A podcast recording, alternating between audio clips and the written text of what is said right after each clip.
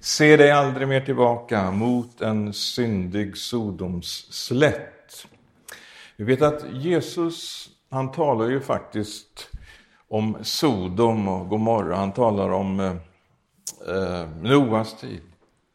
Och han säger som det skedde på Lots tid, som det skedde på Noas tid, så ska det ske vid Människosonens tillkommelse. Han, Eh, vi kan citera honom direkt från Lukas, det, eh, ifrån det eh, vi ska läsa ifrån det sjuttonde kapitlet. Så kan vi läsa där. På samma sätt som det var på Lots tid. De åt, de drack, de köpte, de sålde, de planterade och byggde. Men en dag då Lot lämnade Sodom regnade eld och svavel från himlen och gjorde slut på dem alla. På samma sätt ska det bli den dag då Människosonen uppenbarar sig. Och så säger Jesus någonting här. Han säger Tänk på Lots hustru. Eller som det står i 1917 års översättning, kom ihåg Lots hustru. Och man kan ju fundera varför Jesus så fokuserar på den här kvinnan det är inte så ofta Jesus säger så att vi ska tänka på någon speciell person. Han kunde ju säga tänk på Abraham eller Mose eller Elia eller någon av de här eh, som eh, är ju verkliga gudsmän och förebilder. Men tänk på Lots hustru. Vad är det för speciellt med Lots hustru? Eh, vi ska fundera på det, men vi ska läsa en bibelvers eh, först ifrån Lukas, det nionde kapitlet och 62 versen. Eh, och det är lite tema till sången som jag sjöng här. Just detta att eh, eh har du satt din hand till plogen, började den här sången. Och, och här så står det så här. Jesus svarade, den som sätter handen till plogen och sedan blickar bakåt passar inte för Guds rike. Och jag tänker på det här, blicka bakåt och inte passa för Guds rike. Det här är ju allvarligt, eller hur? Att passa för Guds rike, det, det, om man inte gör det, det, det är ju katastrof. Men om vi tänker då på vad det innebär Just detta att eh, komma till Jesus, att omvända sig, att bli född på nytt, att börja leva ett nytt liv. Eh, och, och jag har nämnt det förut här vet jag, men jag nämner det igen, att vi gick vår egen väg. Men så tog vi, fick vi höra evangelium. Vi omvände oss 180 grader. Nu går vi inte längre vår egen väg, utan Jesus, det är han som lyser där. Vi följer Jesus, vi är hans efterföljare. Och det innebär att vi lämnar ju liksom det livet som var där, det lämnar vi bakom oss. Alla de avgudarna, allt det som liksom tillhörde det gamla livet. Paulus han talar om det här att eh, vi var, säger han, vredens barn som alla de andra. Vi följde försten över luftens härsmakt. Alltså med andra ord, det var ett liv som var helt i överensstämmelse med den kultur som vi lever i. Eh, vi levde inte i en motkultur utan i en medkultur. Vi levde med världen. Vi, vi, vi, gjorde allt som, som man gör i världen. Men så hände någonting. Vi mötte Jesus. Och då skedde någonting. Då omvände vi oss. Det var inte att vi liksom fortsatte att leva det livet med ett slags kristet förtecken. Nu fick vi ett nytt fritidsintresse, nu går vi till kyrkan på söndagarna och så lever vi som, som vi gjorde förut. Utan det var en radikal förändring och total, en total omvändelse. 180 grader. Och då går vi liksom, då följer vi Jesus, vi följer lammet vart det går. Det, och det innebär att vi lever liksom verkligen i, i en counterculture. Det är någonting som är någonting helt annat. Därför att vi har inte den ledstjärna som man har i världen, eh, där det, liksom, det handlar om så mycket utav vad kan den här världen erbjuda mig och liksom hela tiden eh, Jesus säger i de yttersta dagarna ska det bli svåra tider. Och de svåra tiderna, det är människorna själva. Människorna ska då vara egenkära, penningkära. Och så står de ska älska vällust mer än Gud. Och så står det ovanpå det att de ska ha ett sken av gudsfruktan.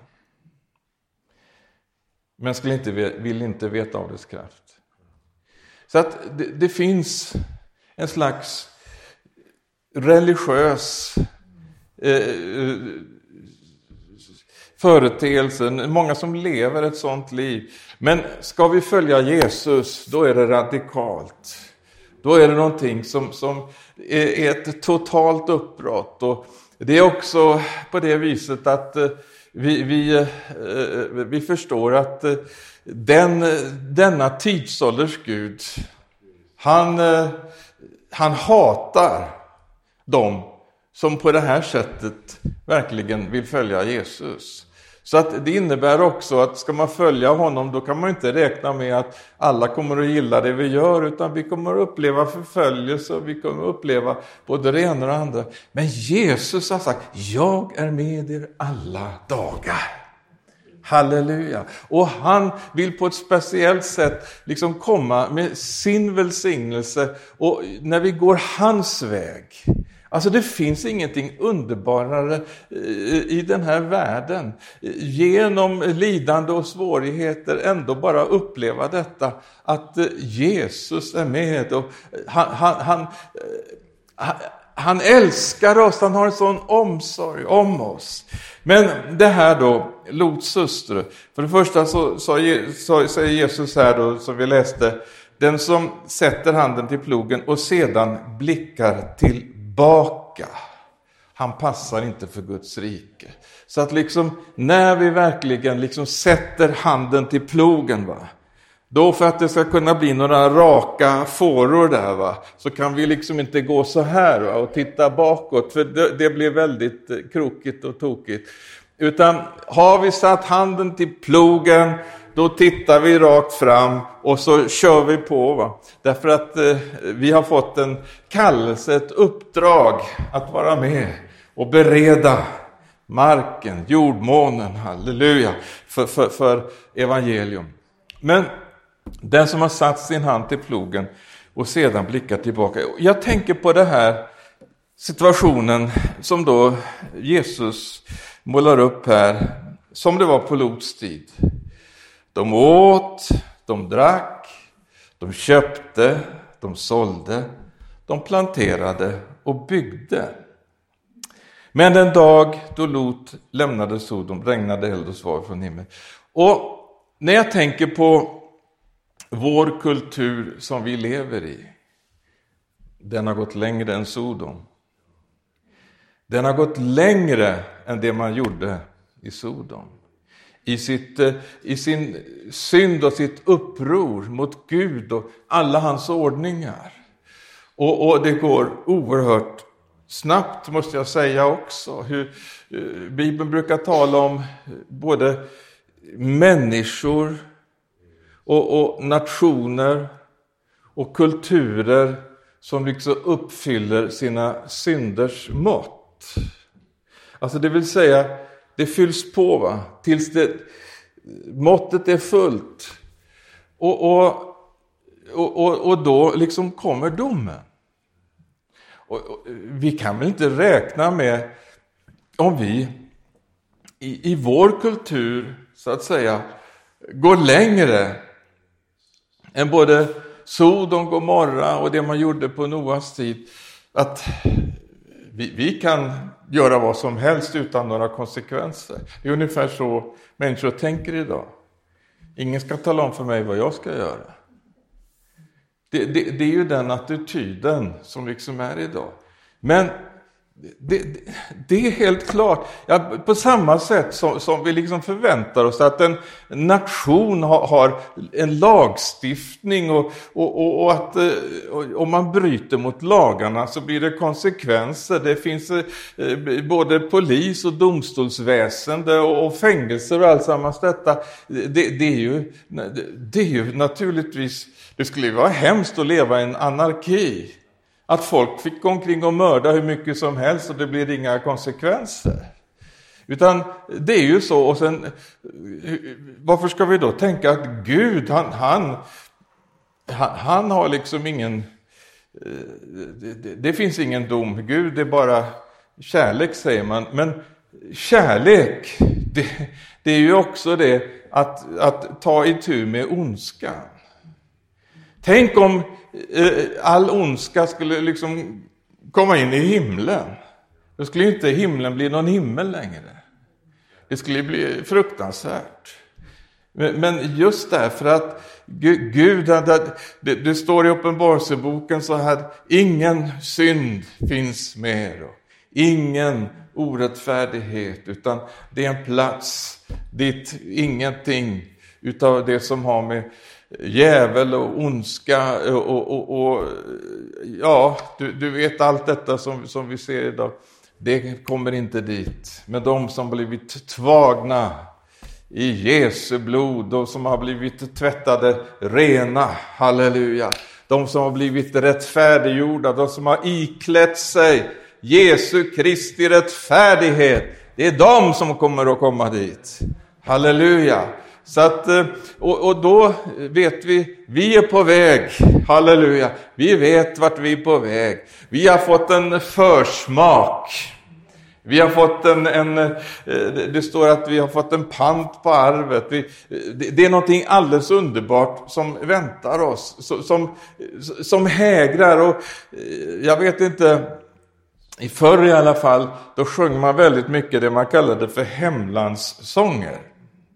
Och det handlar inte om att sjunga om, om, om, Sverige eller så, utan ett annat land. Vi är gäster och främlingar här, men vi, vi är medborgare i himlen och, och, och vi, det är liksom det som är målet för oss. Och när vi är på väg dit, då vill vi ha med oss så många som möjligt. Men om vi tittar på det här, Lots tid. Man åt och drack, köpte och sålde, planterade och byggde. Alltså, det är någonting som fattas här, eller hur? Allt det där som eh, Jesus kallar för allt det där andra. Sök först Guds rike och hans rättfärdighet. Sen ska allt det där andra tillfalla er.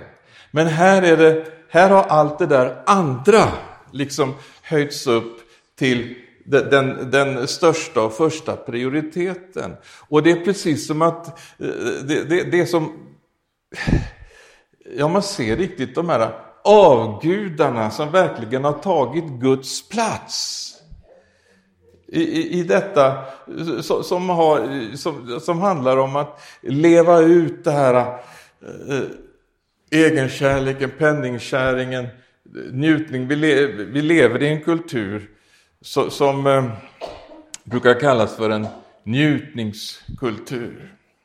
Men Herren, han har en, ett fantastiskt underbart program för oss som Guds folk i den här tiden. Ett folk, ett annorlunda folk. Ett folk som eh, har helt andra värderingar än de man har i världen. Eh, eh, I världen så söker man lyckan genom att man liksom ska eh, få mer materiellt, man ska få en högre lön, man ska, ja du vet, det här klättra på de här stegarna för att nå upp. Och sen så, så kan man läsa om dem som då har lyckats på olika sätt, så ser man att lyckan fanns visst inte där uppe på toppen, utan de verkar vara väldigt olyckliga, många utav de här som liksom har nått i de här målen.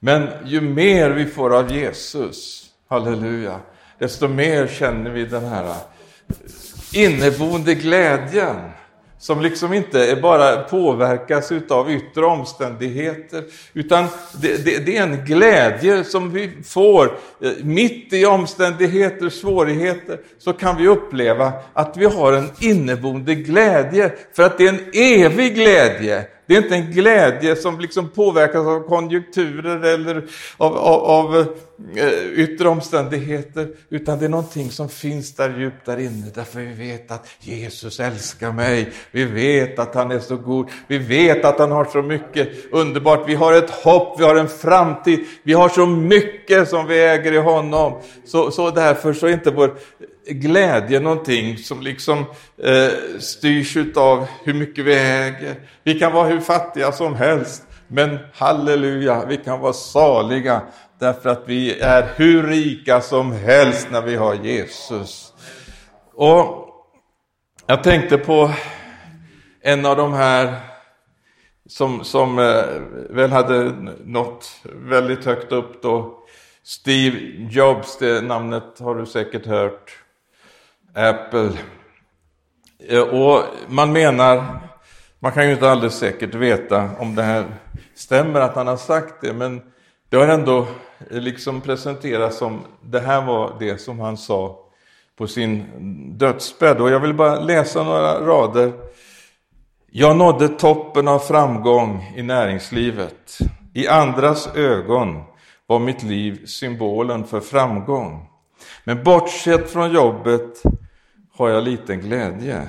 I slutänden är min rikedom bara ett faktum i livet som jag är van vid. Just nu, när jag liggande på min säng ser tillbaka på mitt liv, anser, inser jag att allt erkännande, all rikedom som jag var så mycket, så mycket stolt över har bleknat och blivit meningslösa inför min död. Det var någon som nådde dit högst upp, som liksom fick allt det där som många människor eh, liksom strävar efter att få mer och mer och mer utav. Men så, så upptäcker man tomheten i allt det som världen har att ge. Men Lots hustru, varför skulle vi komma ihåg henne då? När eld och svavel så att säga kom ner över Sodom, innan det så hade änglarna varit där. Vi, vi kan gå till första Mosebok, det 18 kapitlet, så kan vi se det som står där. Eh, där är det alltså änglar som kommer till staden. Och eh, det står att de kommer i den 16 versen, att de kommer ner mot Sodom. Och Abraham följer dem en bit på vägen och Herren sa Kan jag dölja för Abraham vad jag tänker göra? Tänk att kunna ändå ha en sån relation med Herren. Att han liksom, han kan inte dölja, han, han måste bara tala om för Abraham vad som håller på att hända. Och så, så säger då Herren att ropet över Sodom och Gomorra är starkt och deras synd är mycket svår. Tror ni att det finns ett rop från Sverige? Tror ni att det finns ett rop som når upp till Herren? Ropet över Sodom och Gomorra är starkt och deras synd är mycket svår. Därför tänker jag gå ner och se om de har gjort så som i ropet som har nått mig. Och om det inte är så vill jag veta det. Männen vände sig därifrån och gick mot Sodom. Men Abraham stod kvar inför Herren. Abraham gick närmre och sa ska du förgöra den rättfärdige tillsammans med den ogudaktige. Och Abraham han vädjar verkligen, han ber och, om det finns 50 rättfärdiga. Men han inser att det finns kanske inte 50 rättfärdiga. Han får gå ner i antal hela tiden. Men det visar sig i slutändan att det fanns inte tillräckligt många. Men när Herren, i 33 versen, när Herren hade talat färdigt med Abraham gick han därifrån och Abraham återvände hem. Och sen i, i första Mosebok 19 och 1, på kvällen kom de två änglarna till Sodom och Lot satt då i Sodoms port. När Lot fick se dem reste han sig för att möta dem och han föll ner med ansiktet mot jorden och sa, mina herrar, kom med till er tjänares hus, tvätta era fötter och stanna över natten, sedan kan ni fortsätta er färd tidigt imorgon. De svarade nej, vi stannar på torget över natten. Men de bad dem så enträget att de eh, vek av och kom in i hans hus. Och han ordnade en festmåltid åt dem och bakade osyrat bröd och de åt och innan de hade lagt sig omringades huset av männen från staden, Sodoms män, både unga och gamla, allt folket utan undantag. De ropade på Lot och sa till honom, vad är männen som kom till dig i natt? Skicka ut dem så att vi får ligga med dem. Då gick Lot ut till dem i porten, stängde dörren efter sig. Tolfte versen. Sedan sa änglarna till Lot, har du några mer här? Någon svärson, söner, döttrar eller någon annan i staden som tillhör dig? För bort dem från den här platsen, för vi ska förgöra den. Deras rop har blivit så starkt inför Herren att Herren har sänt oss hit för att förgöra den. Jesus tar fram det här exemplet som det skedde på Lots tid. Så ska det ske vid Människosonens tillkommelse. Vi, vi, vi, vi, behöver läsa de här texterna och, och, verkligen förstå allvaret i det budskap som Jesus för fram. För det gäller oss, det gäller vår kultur. Men eh, då kommer alltså Lot till sina svärsöner, men hans svärsöner trodde att han skämtade. Och jag tycker, jag liksom i det här så känner man igen den mentalitet så, så, som vi liksom har i, i vår kultur. Man tar ingenting på riktigt allvar. Utan är det någonting som liksom eh, känns att det blir för kraftigt, ja då bara stöter man bort det så, så, som ett skämt och så kan man bara fortsätta så att säga. Eh, men, men man trodde att han skämtade. När gryningen kom skyndade änglarna på Lot och sa, bryt upp, ta med dig din hustru och dina båda döttrar som är här, så att du inte går under genom stadens synd. När Lot dröjde tog männen hans hand och hans hustrus hand och hans båda döttrar kände för Herren ville skoda honom. De förde honom ut och först när de var utanför staden släppte de honom och när, han, och när de hade fört ut dem sa en av dem Fly för livet, se dig inte tillbaka. Stanna inte någonstans på slätten. Fly till bergen så att du inte går under. Se dig inte tillbaka. Här kommer det igen. Se dig inte tillbaka. Och det var väl just det då som skedde här. Vi går vidare i 22 versen. Eh, eh, så säger ingen, men skynda dig att fly dit, för jag kan inte göra något förrän du är där. Och därför fick staden namnet Soar. Solen hade gått upp över jorden när Lot kom till Soar. Då lät Herren svavel och eld regna ner från himlen, från Herren, över Sodom och Gomorra. Han ödelade dessa städer, hela slätten, alla som bodde i städerna och det som växte på marken. Men Lots hustru, som följde efter honom, såg sig tillbaka. Var det därför Jesus sa, kom ihåg Lots hustru? Lots hustru som följde efter honom såg sig tillbaka. och blev en saltstod. Varför såg hon sig tillbaka? Varför eh, såg hon inte liksom den här staden som Gud hade berett för deras räddning? Vad var det som gjorde henne så tvehågsen? Jag slog upp det där ordet i, i, i, i en ordbok. Vankelmod, obeslutsamhet, tvehågsenhet, tvekan, vacklan, kluvenhet, ombytlighet, nyckfullhet, beslutssvårigheter, tveksamhet, ambivalens.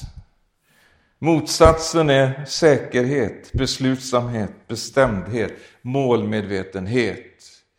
Så hur är det? Finns det saker, finns det liksom de här banden, när, när, när vi liksom ser domen liksom kommer över det som, som handlar om den här eh, kulturen och allt vad den representerar.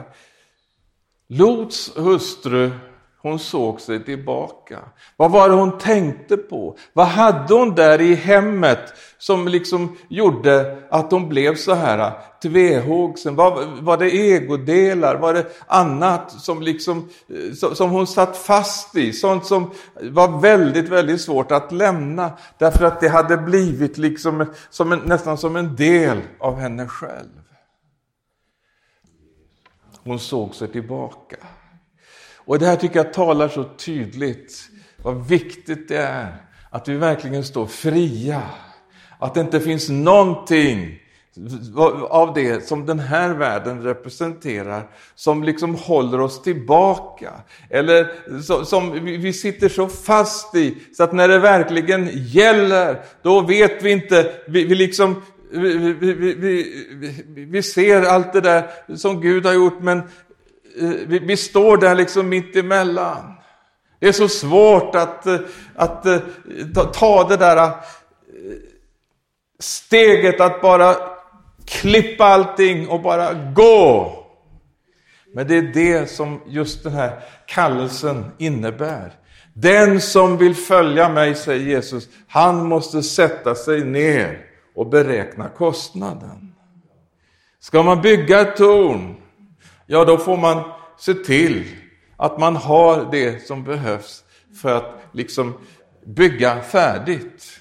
Att det inte står där som ett halvfärdigt torn och som blir som en slags eh, dåligt vittnesbörd eller eh, åtlöje inför människor. Man sa om politiker igång, han nådde inte ända fram. Och det var ju hemskt om man skulle säga det om oss när det gäller evighetsfrågorna. Vi vill nå ända fram. Men för att vi ska göra det så går det inte att se, se åt båda hållen. Utan när vi har satt vår hand till plogen, då vänder vi inte tillbaka. Då är det gamla finito. Då har vi klippanden och så följer vi Jesus. Och Jesus, han, han gör det här om möjligt ännu mera radikalt. Eh, I i, i bergspredikan. Eh, det, det eh,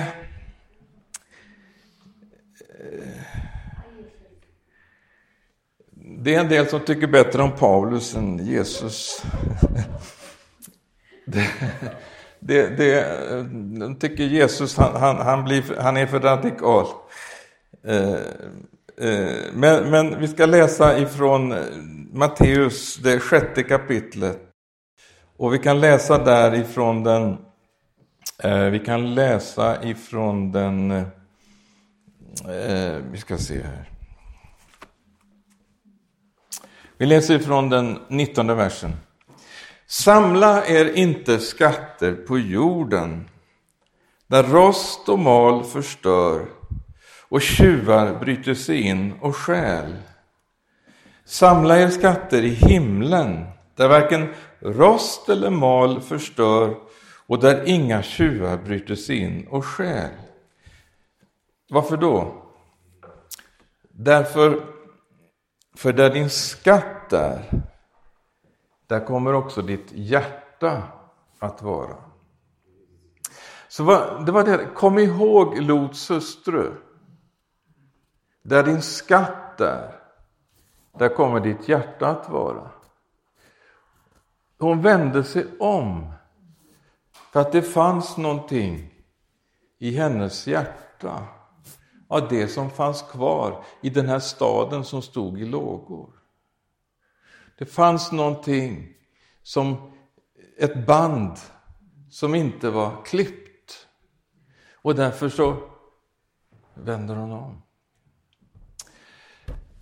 Herren vill verkligen röra vid våra hjärtan. Han vill befria oss. Jesus fortsätter och så säger han så här. Ögat är kroppens lampa. Om ditt öga är friskt får hela din kropp ljus. Men om ögat är sjukt ligger hela din kropp i mörker. Om nu ljuset inom dig är mörker, hur djupt är då inte mörkret? Och så fortsätter Jesus att säga, ingen kan tjäna två herrar. Och det är just det det handlar om nu då. Ingen kan tjäna två herrar. Vi kan inte tjäna både Gud och mammon. Det går inte. Ingen kan tjäna två herrar. Eh, antingen kommer han att hata den ene och älska den andra, eller hålla fast vid den ene och förakta den andra. Ni kan inte tjäna både Gud och mammon. Därför säger jag, bekymra er inte för era liv, vad ni ska äta, vad ni ska dricka, eller för er kropp, vad ni ska klä er med. Är inte livet mer än maten och kroppen mer än kläderna? Och så se på fåglarna, se på blommorna. Gud, skaparen, han har omsorg om hela sin skapelse. Och han fortsätter här eh, i, i, i eh, 31 versen. Bekymra er därför inte och fråga inte vad ska vi äta, vad ska vi dricka, vad ska vi klä oss med. Efter allt detta söker hedningarna. Vi vill inte vara som hedningarna. Men er himmelske fader vet vad ni behöver. Han vet att ni behöver allt detta. Och det är så underbart att det står fader där. Då är vi barn. En pappa som har omsorg om sina barn. Så, så är det. Han har omsorg om oss. Och jag, jag, kan vittna om det och du kan säkert vittna om det. Vilken omsorg Gud har om oss. Men vi, liksom, vi söker allt det där andra så får vi se om vi hinner med Guds rike också. Men så, sök först det, nu handlar det om en prioritetsordning. Nu lever vi här i ändens tid. Vi lever i en kultur som har gått längre, så att säga, än dessa eh, kulturer som vi har läst om här. Vi lever verkligen i en oerhört allvarlig situation. Vi kan inte längre leva som människorna där ute som köper, säljer, planterar, bygger, ända till den där dagen som kommer liksom chockartat därför att man har inte förberett sig, man vet ingenting. Men Abraham, kan jag dölja för Abraham vad jag tänker göra? Det finns ett folk som kan få leva i kommunikation med himlen, som kan få höra vad anden säger till församlingen, som inte är bedövade och, och, och förblindade, utan som har så att säga denna uppenbarelse och det ljus som är nödvändigt för den tid som vi nu lever i, så att vi inte ska gå vilse, så att vi inte ska snärjas in, för vi har en fiende som verkligen försöker på alla sätt. Och jag tänker så här, för hundra år sedan, det var fattigt i vårt land. Det, det, det, var riktigt fattigt. Det var en väldigt stor skillnad, kanske drygt hundra år. Säg att vi går tillbaka 120 år, vid, vid den tiden då, då pingstväckelsen eh, kom till det här landet. Och, och, och vi vet att eh, det skickades ut missionärer till alla världens hörn. Det var fattigt. Men på något sätt så lyckades man att skicka ut Ja, slutligen så blev det faktiskt tusentals av missionärer och evangelister som skickades ut. Där var liksom ekonomi inget hinder, utan där, där var det detta man trodde på Gud. Man gick liksom, man hade satt handen till plogen och, och man gick i tro på Gud och, och fullgjorde det som var uppdraget att sprida evangelium. Idag kan vi se, det finns enorma resurser fonderade bland de som kallas Guds folk idag. Eh, men som liksom eh, handlar mycket om jag, mig och mitt. Vi har en massa, ja, vi har det bra ställt, vi lever i en välfärd. Men eh, tänk om vi skulle få det tänkesättet som man hade då i de här tidigare generationerna och se till att alla möjliga medel som man bara kunde uppbringa kunde få gå till detta att vara med att vinna så många som möjligt innan katastrofen kommer. Vi vill vara med, vi vill rädda, vi vill att så många som möjligt ska bli frälsta. Och vi tänker på, jag tar som exempel här Abraham. Han, han bad ju, vi vet att han bad ju för Sodom. Men vi vet att ändå så, så kom katastrofen. Men blev inte Abraham bönhörd? Var det så att Gud inte hörde hans bön? Jo, Gud hörde hans bön. Det står där i det 19 kapitlet i första Mosebok eh, så här, eh, i, i, det är väl den 29 versen tror jag. När Gud ödelade städerna på släkten tänkte han på Abraham. Han tänkte på Abraham. Och lät Lot komma undan förödelsen när han omstörtade städerna där Lot hade bott. Gud tänkte på Abraham. Och vi ska vara med, bedja, bedja loss människor. Det kanske är någon eller några som Gud på ett speciellt sätt lägger på ditt hjärta att be för. Några som du vill vara med, åh, jag, de måste räddas. De, de måste, så att säga, få, få, få bli räddade. De måste få uppleva frälsningen i Jesus Kristus. Gud tänker på dig och räddar dem. Han hör våra böner när de stiger upp till honom.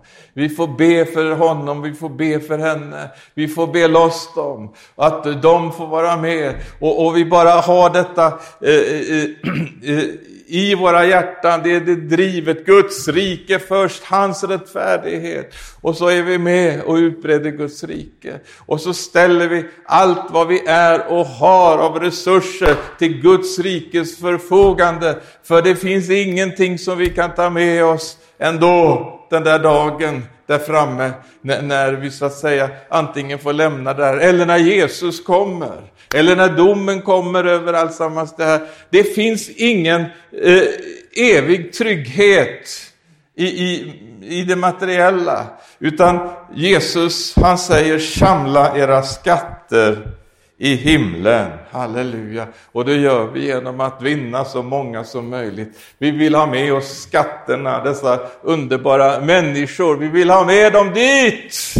Därför satsar vi allt på att vara med och vinna dem. Men det är någonting som Jesus säger här. Om ditt öga är friskt så får hela din kropp ljus. Men om ditt öga är sjukt så ligger hela din kropp i mörker. Och jag tänkte på det här och så läste jag ifrån Efesierbrevet, det första kapitlet. Där, där det står så här i, i den eh, 18 versen. Om ögat är friskt eller om ögat är sjukt. Jag ber, säger Paulus, att era hjärtans ögon ska få ljus. Så att ni förstår vilket hopp han har kallat er till, hur rikt och härligt hans arv är bland de heliga. Nu talar vi om eh, andra saker va, än, än det här eh, liksom som världen representerar. Det finns någonting som är fött i himlen. Ett arv. Ett evigt arv. Jag har ett evigt arv som väntar vid himlens sällan sjöng vi en sång för. Och, och, och det, det, är verkligen det som, som jag ber, säger han, att era hjärtans ögon ska få ljus. Så att ni förstår vilket hopp. Alltså med andra ord, att vi inte liksom värderar det som inte har något värde, utan att vi ser och förstår att värdera det som har ett evigt värde. Vilket hopp han har kallat det till. Hur rikt och härligt hans arv är bland de heliga. Och hur oerhört stor hans makt är i oss som tror. Därför att hans väldiga kraft har varit verksam. Den kraft han lät verka i Kristus när han uppväckte honom från de döda och satte honom på sin högra sida. Högt över härskare, makter, krafter och herradömen och alla namn som kan nämnas. Inte bara i denna tidsålder utan också i den tillkommande. Alltså med andra ord, halleluja. Eh, det kanske är så att vi behöver ett helande under. Vi behöver få våra ögon öppnade. De sjuka ögonen. Jesus han, han lägger händerna på oss och, och, och liksom ber för våra sjuka ögon så att de får bli friska. Så att vi ser på, på liksom ett rätt sätt. Ser att värdera det som är evigt och ser och förstår vad som är förgängligt.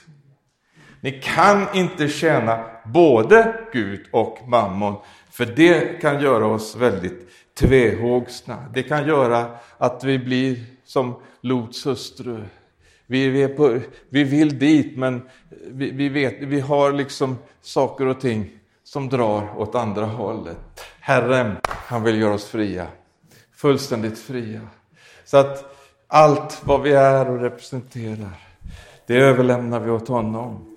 Och prioriteten i våra liv, det handlar inte om att vi ska liksom göra en personlig framgång, att vi ska tjäna så mycket, utan prioriteten det är det. Och vi vill att Guds rike ska ha framgång. Vi vill att människor ska bli frälsta. Vi, vi har fått våra ögon, halleluja, helade. Våra ögon har blivit friska.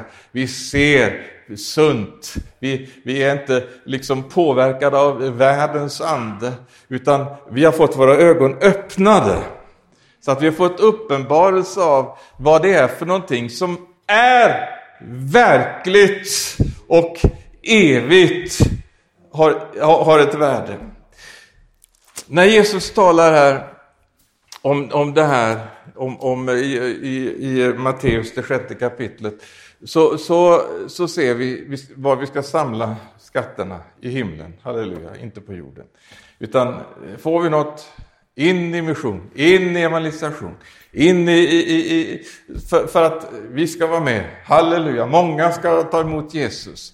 Och det, det, det, behövs medel för att det ska kunna ske. Eh, och Herren visar dig var du ska vara med någonstans och, och bara ge in det du har för att Guds rike ska gå fram. Det, det, det, visar han. När du är inför honom och ber så kommer han att visa dig, ja men här ska jag vara med och, och där ska du vara med. Och så, halleluja, så, så kan det här, så kan det, vi få igen det, det här eh, friska igen, som vi såg för hundra år sedan när man skickade missionärer åt alla håll. Behövs det inte idag som det gjorde då? Behovet är väl ännu större idag än det var då. Men det är någonting som har skett med vårt sätt att se och tänka, eller hur? Som har förändrats. Och det vill Herren vrida tillbaka så att vi liksom får friska ögon och friska tankar och friska öron så vi kan höra vad Anden säger. Halleluja! Vi behöver ett helande under, tror jag, allesammans ifrån himlen, så att vi kan se och förstå på ett rätt sätt. Och, och, och Paulus han talar ju om det här med vishetens och uppenbarelsens ande som kommer och visar, och så kan vi lyfta oss upp över det här materialistiska, halleluja. Vi, vi, vi, vi är liksom inte eh, i, i det där utan vi, vi, vi, vi, lyfter oss över det och så ser vi att ja men det där, det, det, det, Gud vet att vi behöver det och han hjälper oss. Och så får vi ett naturligt förhållande till det på det sättet. För, för att eh, om du, om du vet att en bank är på obestånd. En bank, liksom du har förstått att den håller på att gå konkurs. Inte tar du allt du äger och bara sätter in på den banken. Det vore ganska oförnuftigt, eller hur? Men det är ungefär så vi gör när vi satsar liksom. Vi vet att allt detta är sparat åt eld. Men vi satsar liksom allt på det. Nej, vi vill sätta in på den där banken, halleluja, som, som inte kan gå omkull. Som vi sjunger i sången, och banken där går ej omkull. Halleluja, det finns en bank som inte går omkull och där vill vi vara med och satsa. Så, så bara låt den helige Ande bara få röra vid dig och, och, och, och bara kapitulera, släpp allting och bara omvänd dig.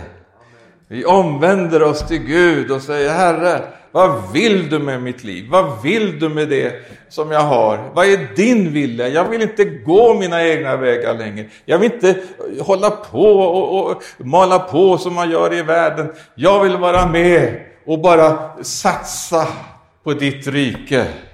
Halleluja. Tror du att du blir välsignad då? Det trodde ni? Ja, vill ni ha välsignelse? Det vill vi ha. Eh, det är en sång som vi brukar sjunga när vi har dopförrättning hemma. Vi ska ha dop nu nästa helg också. Eh, det är så härligt med dopförrättningar. Men vi brukar sjunga den här Jag har beslutat att följa Jesus. Jag har beslutat att följa Jesus och aldrig mer tillbaka gå. Jag har beslutat att följa Jesus. Och om andra tvekar så vill jag dock följa och aldrig mer tillbaka gå. Jag följer korset och lämnar världen och ingen väg tillbaka går.